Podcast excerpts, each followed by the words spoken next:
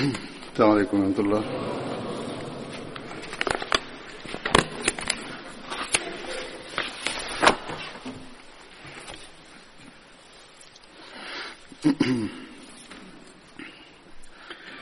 أشهد أن لا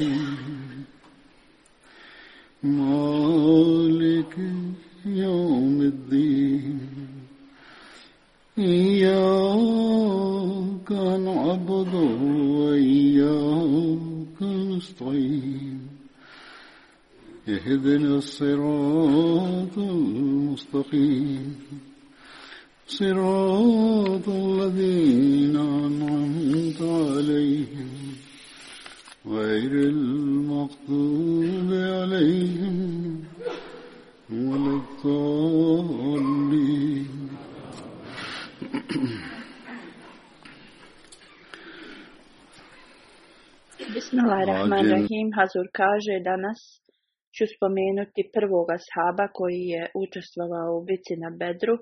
Njegovo ime je Hazreti Hiraš Sima. On je bio ensarija iz Hazrađe plemena. Majka mu se zvala Umi Habib. Njegova djeca se zvala Selema, Abdul Abdurrahman i Ajša je u bici na Bedru i Uhudu. Na Uhudu je zadobio deset rana. On je bio među ekspertima časnog poslanika sallallahu alih veselam u rukovanju sa strijelama. U toku bitke na Bedru Hazreti Hiraš je zarobio zeta od časnog poslanika sallallahu alih veselam. Drugi ashab je Hazreti Ubejd bin Tejhan. On je bio poznat kao Jatib bin Tejhan. Njegova majka se je zvala Leila binti Anik. Bio je brat od Abdul Heisama. I bio je iz Benu plemena. Sa 70 ensarija je uzeo zakletvu na Akvi Časni poslanik sallallahu alejhi ve je stvorio bratstvo, uspostavio bratstvo između njega i jednog ensarije. Sa svojim bratom Ebu Hajsamom je učestvovao u bici na Bedru. U toku Uhuda je postao šehid, ubio ga je i Krama bin Ebu Džehel. Ali također je rečeno da je ubijen boreći se uz Hazreti Ali radijalahu anhu u bici Safin. Znači postoje različita mišljenja o njegovom, o njegovoj smrti, kako god isto je mišljenje da je on postao šehid i za sebe je ostavio dvojicu sinova, Ubejdullah i Abad. Oba dvojica Njegovih sinova su spomenuti u historiji. Prema historičaru Abariju Hazreti Abad je spomenuto je da je i on učestvovao na ubici na Bedru, a u vezi njegovog sina Ubejdullaha rečeno je da je postao šehid u bici Jamama. Sedeći ashab je Abu Hana Malik bin Amr. Abu Hana je bila njegova titula, a ime Malik bin Amar. Muhammed bin Varkati ga je uključio među ashabe koji su učestvovali na Bedru. Postoje različiti hadisi u vezi njegovog imena, neki kažu da se zvao Amir i Sabit bin Numan, Titula Ebu Haja i još neke druge titule su mu pripisane, kako god Mohamed bin Varkati kaže da njegovo ime je specifično spomenuto Abu Habab bin Vazija bin Amr ili Ebu Habab bin Abdi Amar, i ova oba dvojica nisu učestvovali u bici na Bedru zato što nijedan ashab sa Bedra nije imao titulu ili nadimak Ebu Habab, radije njegova titula ili osobe koja je učestvovala na Bedru je bila Ebu Hana i zbog toga je on insistirao da je to bila njegova titula. Sljedeći ashab je Hazreti Abdullah bin Zaid bin Saliba, Njega su zvali Abdullah bin Zaid Ensarija, Ebu Muhammed je bila njegova titula, Zaid bin Salba je bio njegov otac i on je također bio ashab časnog poslanika. Abdel Benu Džašim, on je bio iz tog plemena, to pleme je ogranak od plemena Hazrađ, ensarijskog plemena. Učestvovao je sa 70 ashaba na Bejti Akba, učestvovao je u bitci na Bedru, Uhudu, Hendeku i u sve ostale i u svim ostalim bitkama uz časnog poslanika sallallahu alejhi ve sellem. U vremenu osvajanja Mekke nosio je zastavu od jednog plemena. Abdullah bin Zaid prije nego što je primio islam je bio pismen, gdje u to vrijeme vrlo, bila je vrlo, e, rijetkost je bila da, da neko zna da piše i čita. Njegova djeca su boravila u Medini, Mohamed je jedan od njegovih sinova od supruge Sada, a kćerka Umi Humeid i ona je bila od njegove druge supruge. Reis bin Zaid je bio njegov brat koji je također učestvovao u bici na Bedru, sestra Kurejba bin Zaid i ona je bila i ona je prihvatila islam u toku života časnog poslanika sallallahu alejhi ve Hazreti Abdullah bin Zaid je taj ashab koji kojem su u snu je Zana bile objavljene i on je rekao časnom poslaniku salallahu alaihi ve ovaj san. Časni poslanik je onda rekao Hazreti Bilalu da uči ezan riječima koje je Hazreti Abdullah sanjao. Ovo se desilo poslije kad je mesčid Nabvi bio napravljen u prvoj godini poslije Hidžre. Detalji o ovom događaju su sljedeći. Ebu Mir bin Anas Ensarija prenosi od svog amidže da je časni poslanik sallallahu ve sellem razmišljao kako da ljudi budu pozvani na namaz.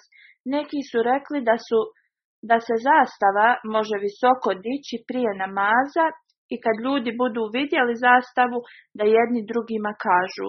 Časni poslanik sallallahu alejhi ve nije nije mu se svidjela ova nije mu se svidio ovaj prijedlog, onda je neko rekao da mogu da koriste kao trubu ili rog koji proizvodi zvuk, tako su jevreji radili da zovu svoj narod na molitve. Časni poslanik sallallahu alejhi ve je rekao to je kako jevreji rade. Onda je još jedan prijedlog bio dat, ali časni poslanik sallallahu alejhi ve je rekao da tako kršćani zvone zvona Abdullah bin Zaid je otišao kući i bio je zabrinut u vezi ovoga, molio se i onda je sanjao ezan. Abdullah bin Zaid prenosi, ja sam sanjao osobu u snu, u ruci je imao nešto, ja sam mu rekao, o Allahov slugo, hoćeš li mi prodati tu, tu stvar koju je držao? On mu je rekao, šta ćeš uraditi s njom? Kada ti je prodam, ja sam rekao kroz ovo ćemo da pozivamo ljude na molitvu, ta osoba mi je rekla, da li hoćeš da ti kažem drugu metodu koja je bolja od ovoga? Abdullah je rekao da ova osoba je proučila riječi ezana. Rekla je Allahu ekber, Allahu ekber, Allahu ekber, Allahu ekber, Allah je najveći, ešhedu en la ilaha illallah dva puta, svjedočim da nije niko vrijedan obožavanju osim Allaha, onda ešhedu enne Muhammeden Resulullah dva puta, svjedočim da je Muhammed Boži poslanik, hajale sala, dođite na namaz, hajale sala, dođite na spas, ova oba dva su po dva puta, Allahu ekver, dva puta, Allah je najveći, la ilaha illallah, nema drugog Boga osim Allaha. Azur kaže, čitam prijevod jer je korisno za djecu i nove članove zajednice. Neki ljudi kažu prijevod se ne pročita, tako da ću sad da ga pročitam. Znači, Allah je najveći, treba da se kaže četiri puta. Onda svjedočim da nije niko vrijedan obožavanju osim Allaha dva puta, svjedočim da je Muhammed salallahu alaihi ve Boži poslanik dva puta, hayale sala dođite na namaz dva puta, dođite na spas dva puta i onda dva puta Allah je najveći i nema drugog Boga osim Allaha. Onda on kaže, ova se osoba odmakla od mene i rekao mi je prije namaza, trebate ovo da proučite. I rekao je riječi i kameta, Allahu akbar, Allahu akver, ašhalu an la ilaha illallah, ašhalu anna Muhammeda Rasulullah, hajale salah, hajale salah, kad kameti salatu, kad kameti salah, Allahu akbar, Allahu akvar, la ilaha illallah. Znači riječi su iste kao u ezanu, samo što u ikametu ima kad kamete sala, to jeste nama se uspostavlja, a ostalo je isto. On kaže kad je jutro došlo, ja sam otišao časnom poslaniku salalahu alejhi ve i rekao sam u vezi mog sna, časni poslanik sallallahu alejhi ve je rekao: Ako Allah bude želio, ovo je istiniti san, idi stani pored Bilala i reci mu riječi koje si sanjao i neko on prouči ezan, poziv za molitvu, zato što ima jači glas. On kaže, ja sam stao pored Bilala i govorio mu riječi koje sam čuo u snu i on ih je učio glasno. On kaže, kad je Hazreti Omer radijalahu anhu čuo riječi ezana, on je bio još u svojoj kući, Brzo je stavio svoju ogrtač i došao poslaniku i rekao, kunem se onim koji te je poslao sa istinom, da sam i ja u snu čuo iste riječi. Kad je čuo ovo, poslanik sallallahu alejhi ve je rekao: "Sva hvala pripada Allahu." U knjizi Sirat Hatamu Nebiin, Hazreti Mirza Bashir Ahmed Sahib je dao još detalja u vezi ovoga.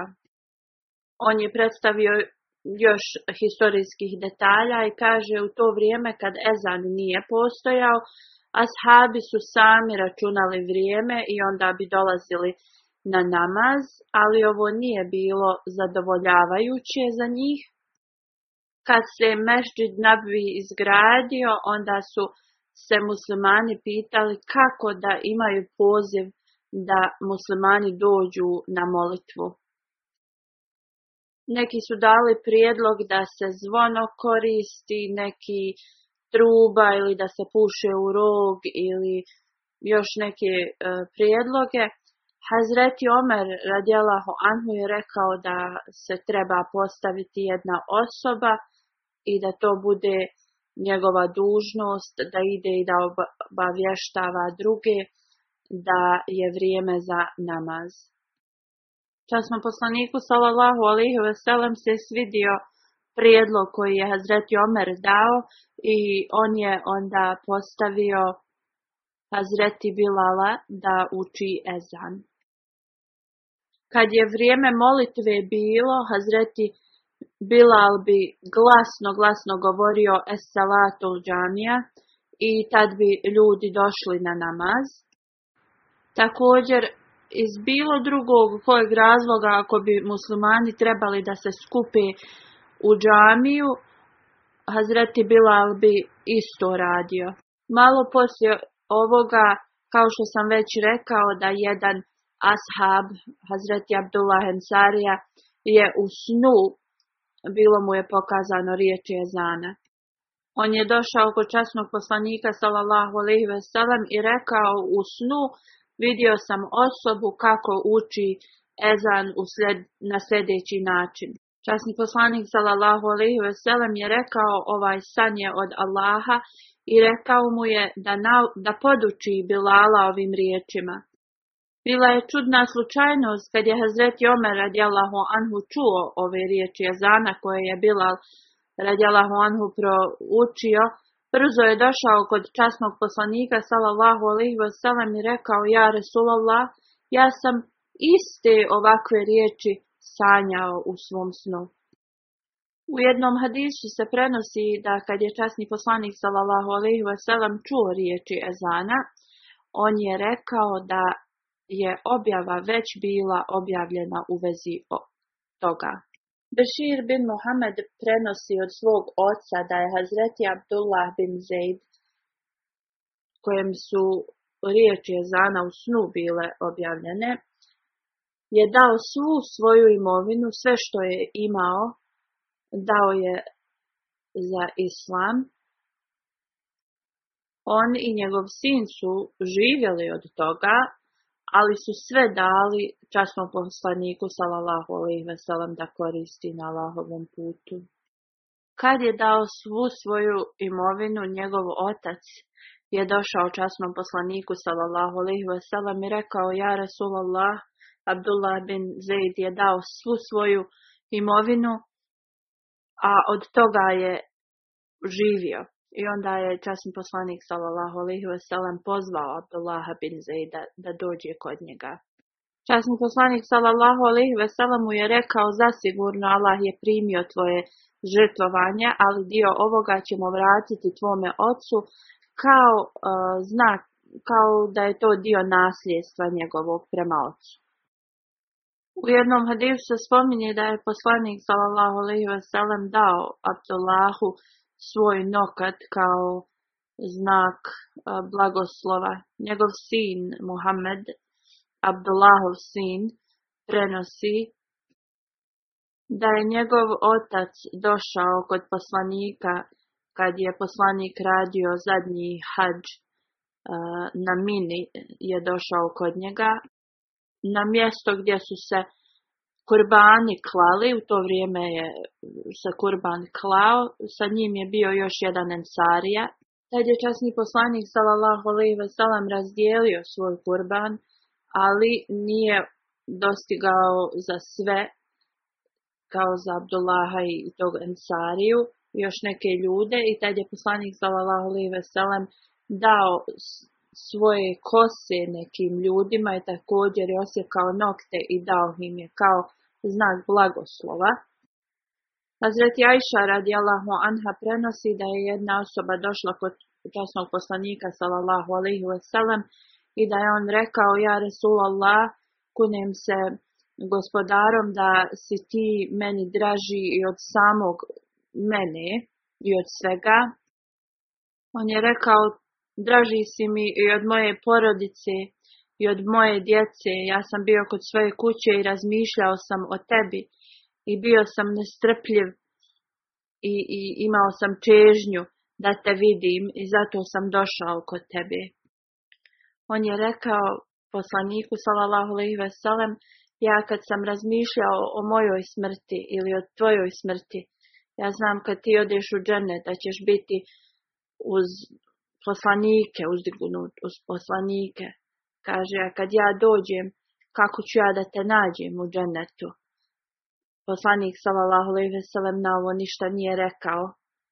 Do te mjere da je Džibril alejhi salam došao sa sljedećim ajetom.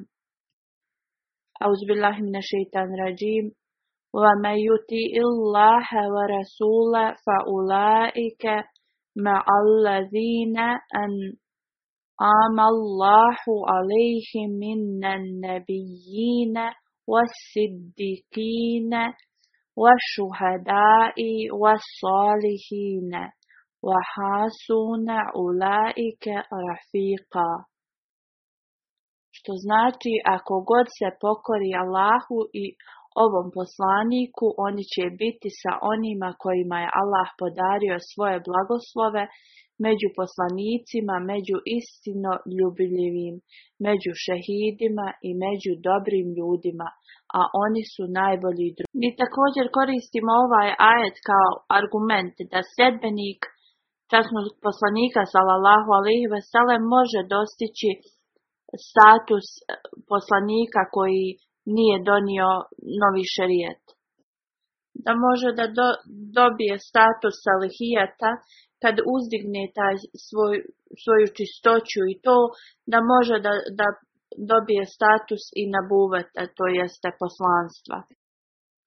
Ali ovo može samo da bude osoba koja slijedi časnog poslanika sallallahu alaihi wasallam i Allah može da da to kome on hoće.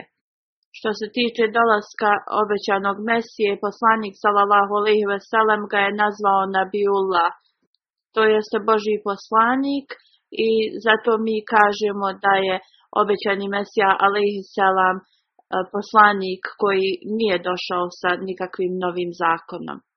Ovo nimalo negativno ne utiče na poslanstvo časnog poslanika salallahu salam na suprot, ovo povećava njegovo poslanstvo. Jer sad poslanstvo samo može da postoji u sljedbenicima časnog poslanika sallallahu alejhi ve i ovo nije samo mišljenje naše zajednice i raniji učenjaci su ovako mislili. Imam Ragib je rekao, poslije časnog poslanika sallallahu alejhi ve poslanik se može pojaviti iz njegovih sljedbenika koji neće donijeti novu, novi zakon. I Glama Zarkani kaže da u raznim komentarima u vezi Hazreti Suban, Abdullah bin Ensarija je bio ashab koji je u snu vidio riječi Ezana. Imam Zarkani kaže da je mogu, ako je ovo istina, da je moguće da je ovaj ajed bio objavljen časno poslaniku sallallahu alaihi sellem zato što su vjerovatno još mnogo ashaba pitalo u vezi toga, E, i tako da je Allah objavio taj ajet. Osim ovog događaja koji sam već spomenuo, još je spomenuto da je Hazreti Saban volio toliko časnog poslanika sallallahu alejhi ve sellem da mu je bilo toliko teško da bude razdvojen od njega. Jednom kad je došao kod časnog poslanika sallallahu alejhi ve sellem, rečeno je da je njegovo lice bilo drugačije boje, on je izgledao vrlo zabrinut i časni poslanik sallallahu alejhi ve sellem ga je upitao kad je vidio ovakvog Zašto je tvoje lice se promijenilo? Hazreti Saban je odgovorio. Ja, Rasulallah, ja nisam bolestan niti imam bilo kakvu bolest. Samo ja ne mogu da podnesem da tebe ne vidim. On je rekao, ja te nisam vidio neko vrijeme i zbog toga sam bio uznemiren sve dok te nisam ugledao. On je onda rekao, onda sam se sjetio sudnjeg dana i strah me je obuzeo, jer ti ćeš u dženetu biti sa poslanicima, a ja ako uđem u dženet, moj status će biti mnogo manji od tvoga, a šta i ako ne uđem u dženet, onda te nikada neću moći vidjeti. I Lama Zarkani piše dalje. Ovo prvo je bilo u vezi Hazreti Suban, a sada on ponovo govori u vezi Abdullaha bin Ansarije, kad je njegov sin došao i rekao da je časni poslanik salallahu alihi vasallam preminuo. On je tad rekao, o gospodaru moj, da dozvoli da ja više i koga vidim poslije poslanika sallallahu alaihi veselem. I njegov e, vid je počeo da, da bude sve slabiji i slabiji. Do te mjere da je na kraju i postao slijep. U vezi vremena kad je Abdullah bin Zaid preminuo postoje različita mišljenja. Neki kažu da je Abdullah bin Zaid preminuo poslije bitke na Uhudu, dok mnogi kažu da je on učestvovao uz časnog poslanika sallallahu alaihi wasallam u svim bitkama i da je preminuo u vremenu trećeg halife Hazreti Osmana radijallahu anhu u 32. godini poslije Hidre. A događaj da je on oslijepio bi se desio u njegovoj 62. godini života u vrijeme Hazreti Osmana ho anhu koji mu je klanjao džanazu. Sljedeći ashab je Muaz bin Amr bin Džamu. On je pripadao Benu Selma plemenu koje je ogranak Hazrač plemena. Učestvovao je u drugoj zakletvi na Akbi Učestvovao je u bici na Bedru i Uhudu. Njegov otac se zvao Amar bin Džamu, a majka mu se zvala Hind binti Amar. Prema Musa bin Ukba, Abu Mašir i Muhammed bin Amr Vakti, prema njima njegov brat Muamez bin Amr je učestvovao na Bedru također. Sutejba bint Amar je bila njegova supruga, imao je sina i čerku, Hazreti Muaz je učestvovao u drugoj zakletvi na Akbi. Njegov otac Amar bin Džamu je bio vrlo strasni idolopoklonik. Sirat ibn Hišam je zapisano u vezi e, njegovog prihvatanja islama. Hazur kaže, ja sam ovo spomenuo prije godinu dana, kad su eh, Ensarije došli i uzeli drug bit na Akbi, oni su se vratili u Madinu i počeli su da šire islam punom snagom. Stari su bili vrlo privrženi idolima, uključujući i njegovog oca. Muaz je uzeo zakletvu na drugoj akbi, Amar bin Džemu je bio poglavica od Benu On je bio jedan od starijih ljudi, također kao neka sveta osoba. On je napravio idol od drveta koji se je zvao Minat, kao što je to bila tradicija sviju da im drže idol u kući i puno su ga hvalili. Kad su neki mladi eh, ansarije primili islam, uključujući Amar, Muaz bin Amar bin Džemu, on je bio jedan od tih mladih osoba. Oni su došli na večer i uzeli su taj idol i odnijeli su ga u neku na neko mjesto ili neku jamu gdje se inače e, smeće bacalo i ostavili su ga tu. Kad se Amar probudio izutra, rekao je, ko je dirao naše idole i otišao je u potragu i kad je našao ga, očistio ga je, oprao i rekao, tako mi Boga, o idole, ja ako nađem osobu koja ti ovo uradila, kao on će ga postiditi pred svima. Onda je noć opet došla i Hazreti Moaz, njegov sin, je uradio isto, izutra bi njegov otac ustajao, otišao bi, vratio bi ga, očistio i isto bi govorio. I ovo se desilo dosta mnogo puta. Onda je Amar opet e, očistio e, tog idola i stavio je mač kraj njega i rekao mu o idole, ja ne znam ko ti ovo radi, ali ako ti imaš ikakve moći kao ostavit će mač kraj i da ga koristi protiv te osobe. Opet je noć došla, Amar je zaspao, njegov sin i ova omladina su opet uradili isto, uzeli su i dola i bacili ga. Onda su također uzeli mrtvog psa i zavezali su za to, za tog idola i onda su, ovaj put su ga odnijeli na neko drugo mjesto gdje se, se otpad bacao i izutra kad je Amar bin se probudio, nije našao idola na istom mjestu. Kad je konačno ga našao, uz njega je bio svezat mr, mrtav pas i tad je realnost bila mu pokazana, shvatio je istinu. Muslimani su mu onda dali istinito učenje Islama i uz Allahovu pomoć on je primio Islam i ovo je zapisano u Ibn Hišam. Iako je mač bio stavljen pored idola, on ga nije mogao koristiti i onda koja je bila poenta da se obožava takav bog.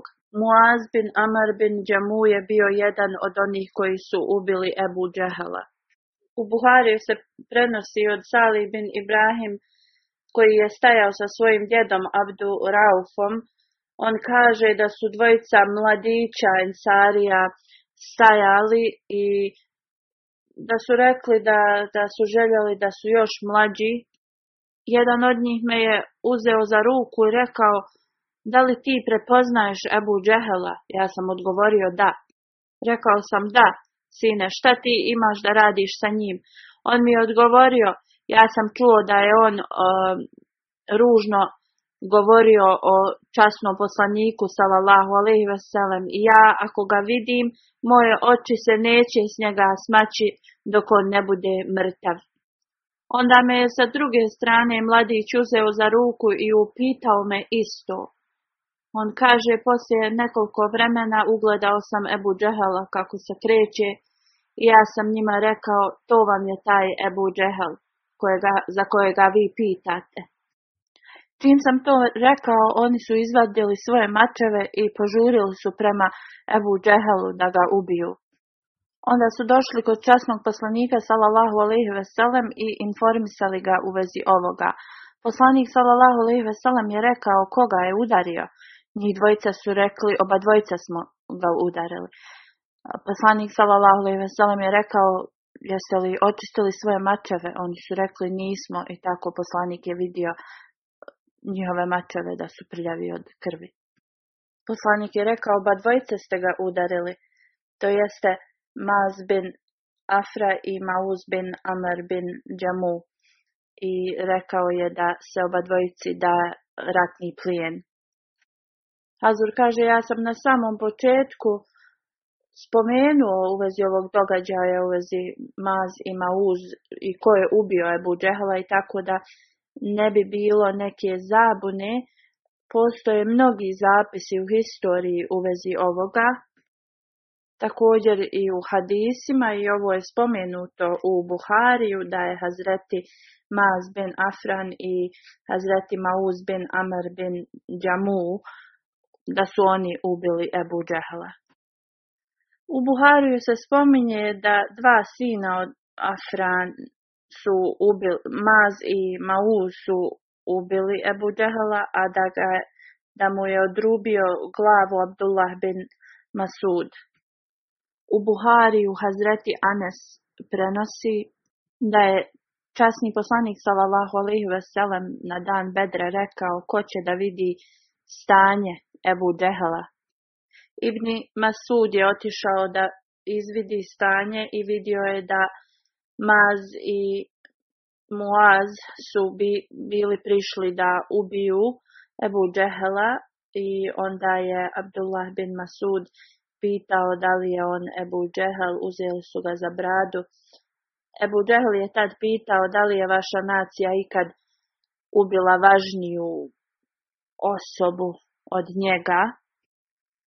Oba dva ova hadisa nalazimo u Buhariju, samo na nekim mjestima piše mazima uz, različito, različita imena su spomenuta. U nekim hadisima se spominje da su oni bila braća, a u nekim da su imali različite roditelje.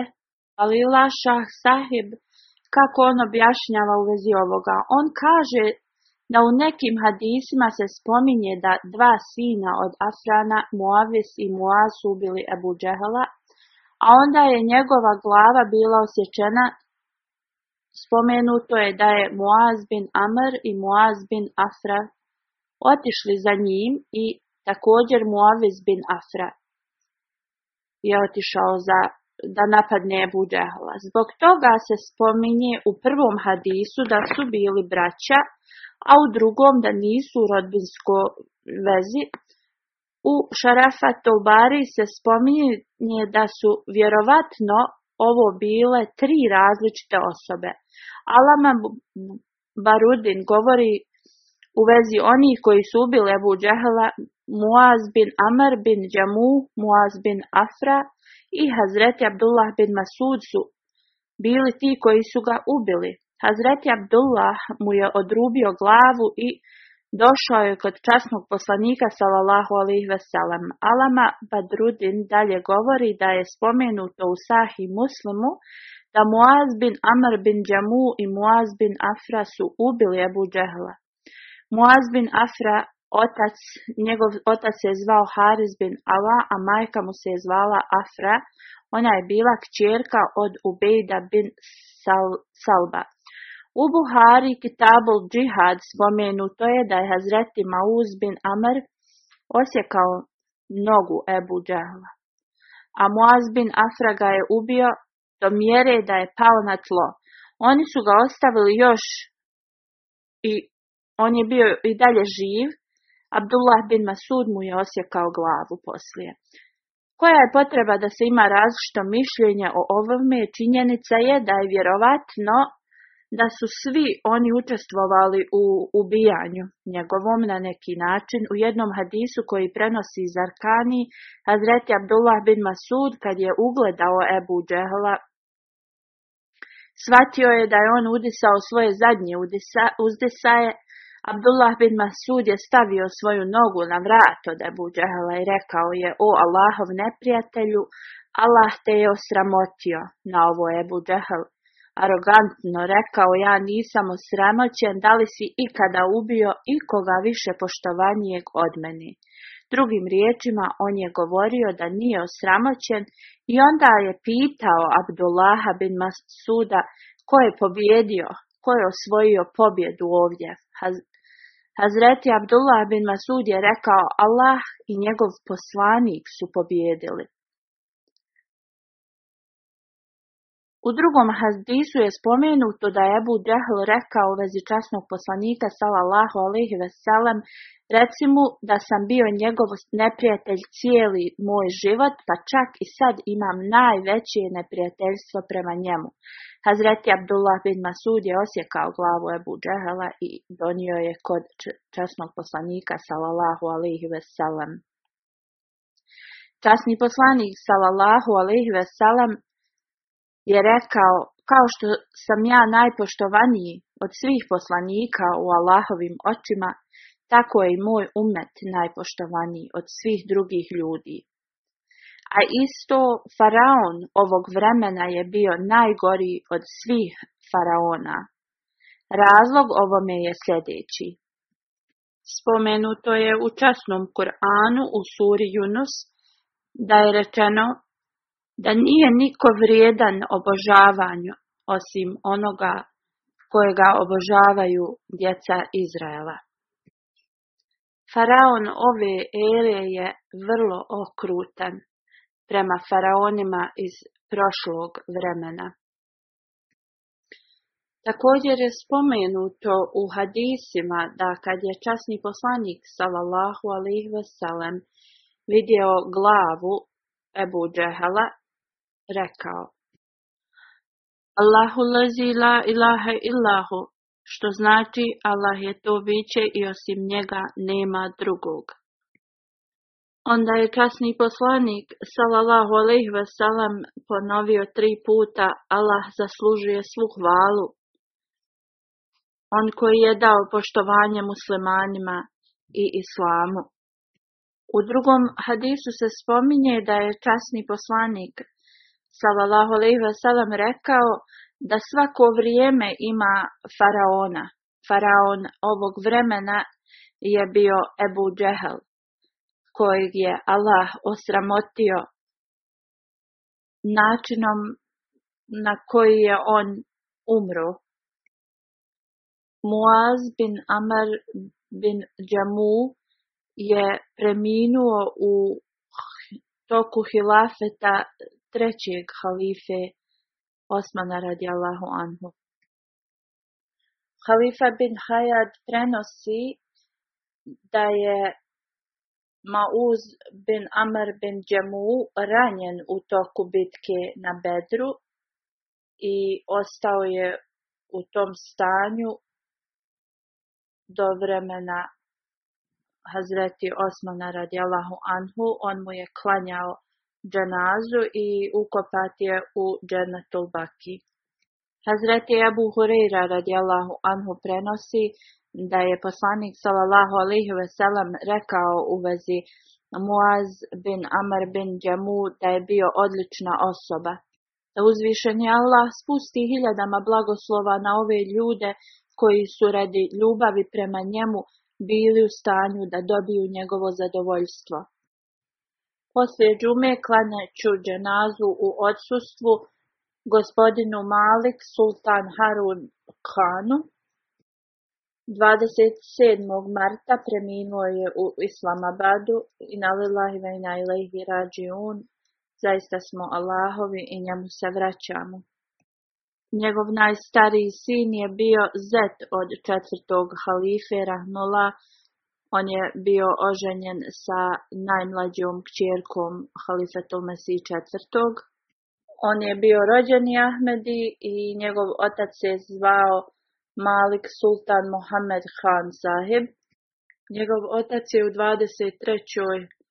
godini, to je bilo 1923. dao zakletvu drugom halifi, Hazreti Muslim Audu. On je bio jedini Ahmedi u svojoj porodici. Hazreti muslima Maud radijalahu anhu je sklopio brak između njega i Aisha Sidika sahiba bin Hazreti Čaudri Fatih Muhammed Sijal sahib. Ova porodica je bila vrlo cijenjena i poštovana porodica u Punjab eri. Malik Amin Muhammed Khan sahib, koji je bio guverner Pakistana, Navab Kalima je bila njegova titula, on je bio rođak njegovog oca. U to vrijeme Indija i Pakistan su bili kolonija i ova porodica je imala visoki status. Njegov sin Malik Sultan Han Saheb je primio Ahmadijat nakon četiri godine. Iako su bili ovo svjetski ljudi i, i bogati, uzvišeni Allah je i blagoslovio i podario im da prihvate Ahmadijat. Sultan Harun Khan sahib je njegov sin i njegovu svadbu, njegov nika, ceremoniju je predvodio halifatul Mesih III. U toku njihovog šerijatskog vjenčanja, nika ceremonije, halifatul Mesih III. je rekao Čaudri Fatih Muhammed Sahe Saheb je bio prvi misionar u Velikoj Britaniji. Znači, on je jedan od poštovanih starijih ljudi i halifa je rekao ja se osjećam dužan prema njemu. Rekao je dok sam bio mlađi, on je mene vodio sa sobom i ja sam dobio veliko iskustvo uz njega.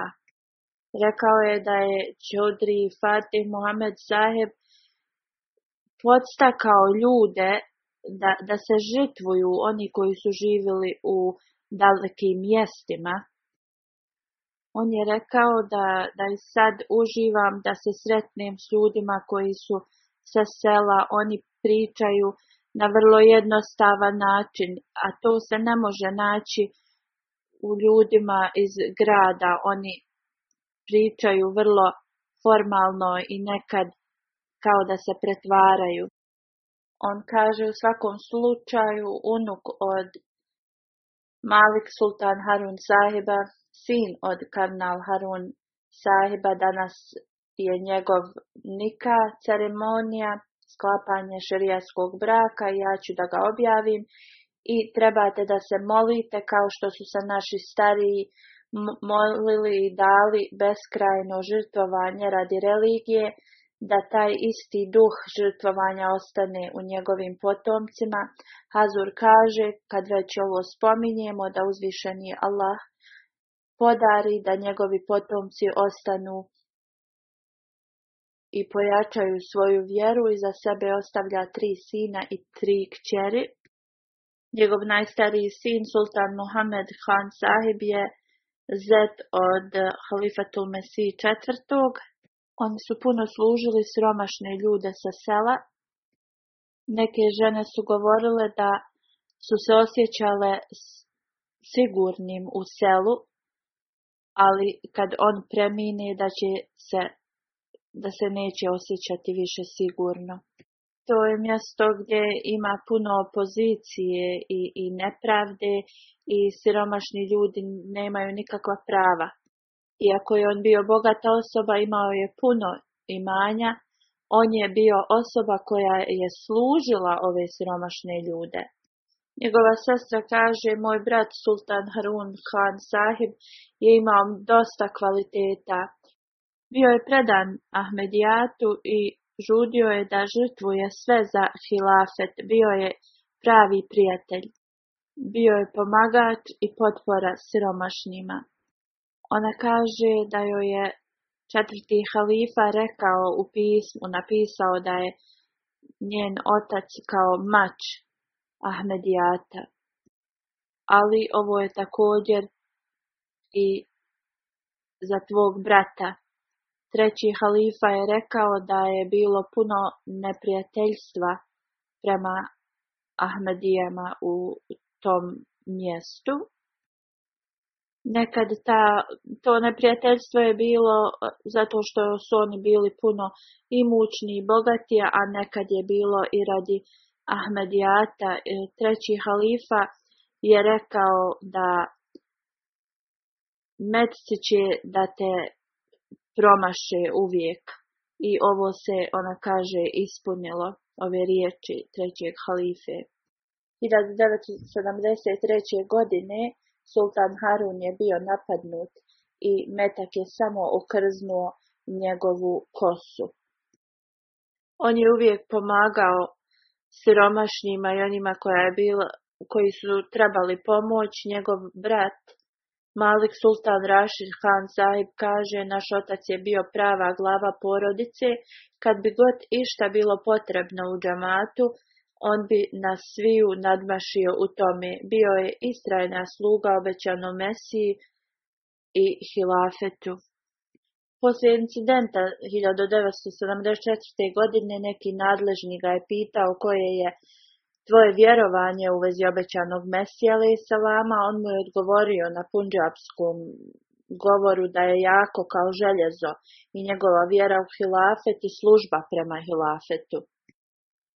Kad je halifetul Mesiji četvrti se preseljavao iz Pakistana, on ga je pratio do Karačija Rashid Sahib mm, piše imam pismo četvrtog halife u kojem on naziva njegovog brata general Ahmedijata i spremni mač Ahmedijata.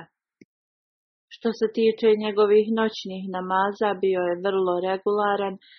Njegov brat kaže, ovo ljudi ne znaju jer mi ne govorimo o tome, ali Eh, jednom kad je bio bolestan, oni su boravili zajedno u istoj sobi, on mu je pomagao jer nije se mogao kretati dobro.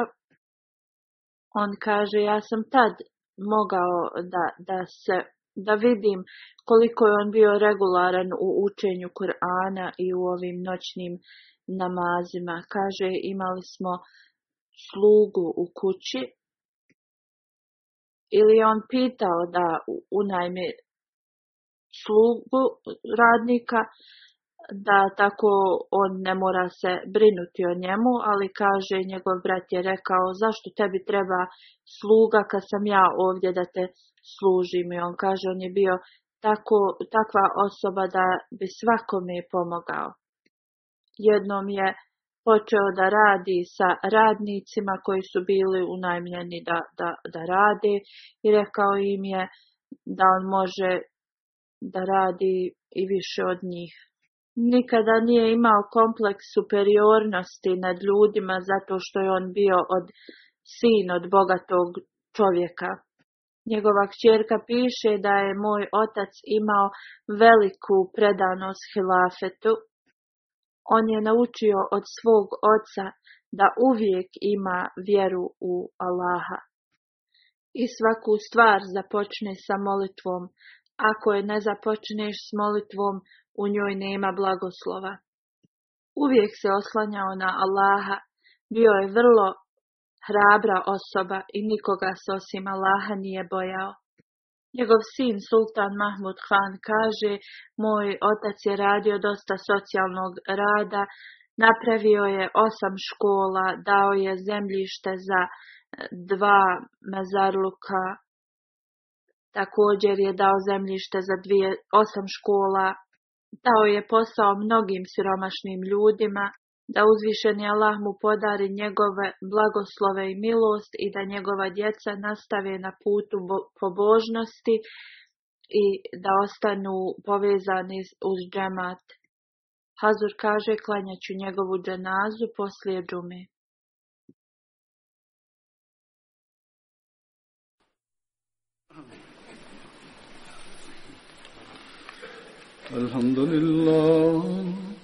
الحمد لله نحمده ونستعينه ونستغفره ونؤمن به ونتوكل عليه ونعوذ بالله من شرور أنفسنا ومن سيئات أعمالنا من يهده الله فلا مضل له ومن يضلل فلا هادي له ونشهد أن لا إله إلا الله ونشهد أن محمدا عبده ورسوله عباد الله رحمكم الله إن الله يأمر بالعدل واللسان وإيتاء ذي القربى